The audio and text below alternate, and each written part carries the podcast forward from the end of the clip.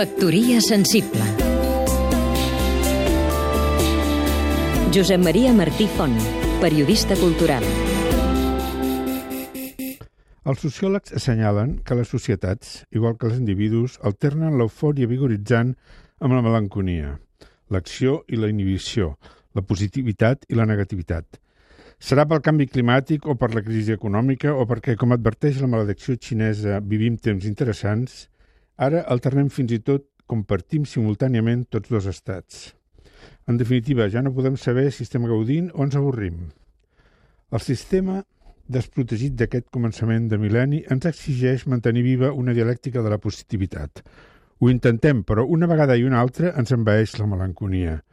Algú va definir la melanconia com aquell estat en el qual se senten penes que no tenen nom.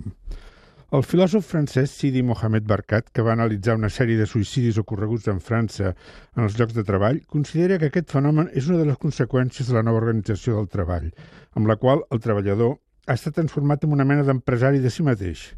És el propi subjecte qui dona feina al seu cos. La lluita de classes, concluïa Barkat, s'ha traslladat a l'interior de l'individu. Un altre filòsof alemany d'origen coreà, Byung-Chul Han, explica que les malalties del nostre segle ja no són ni bacterianes ni víriques, sinó neuronals. La depressió o la síndrome del desgast ocupacional, una malaltia, aquesta última, que provoca qui la pateix un fort sentiment d'impotència. S'aixeca cansat i el seu treball no té fi perquè, tot i que fa tot per complir els seus compromisos, té interioritzat que el seu treball mai s'acaba. Per Bung Chul An no és una qüestió de negativitat, sinó que és l'accés de positivitat el que ens està conduint a una societat del cansament. Així es titula el seu breu i revelador assaig, La societat del cansament. Factoria sensible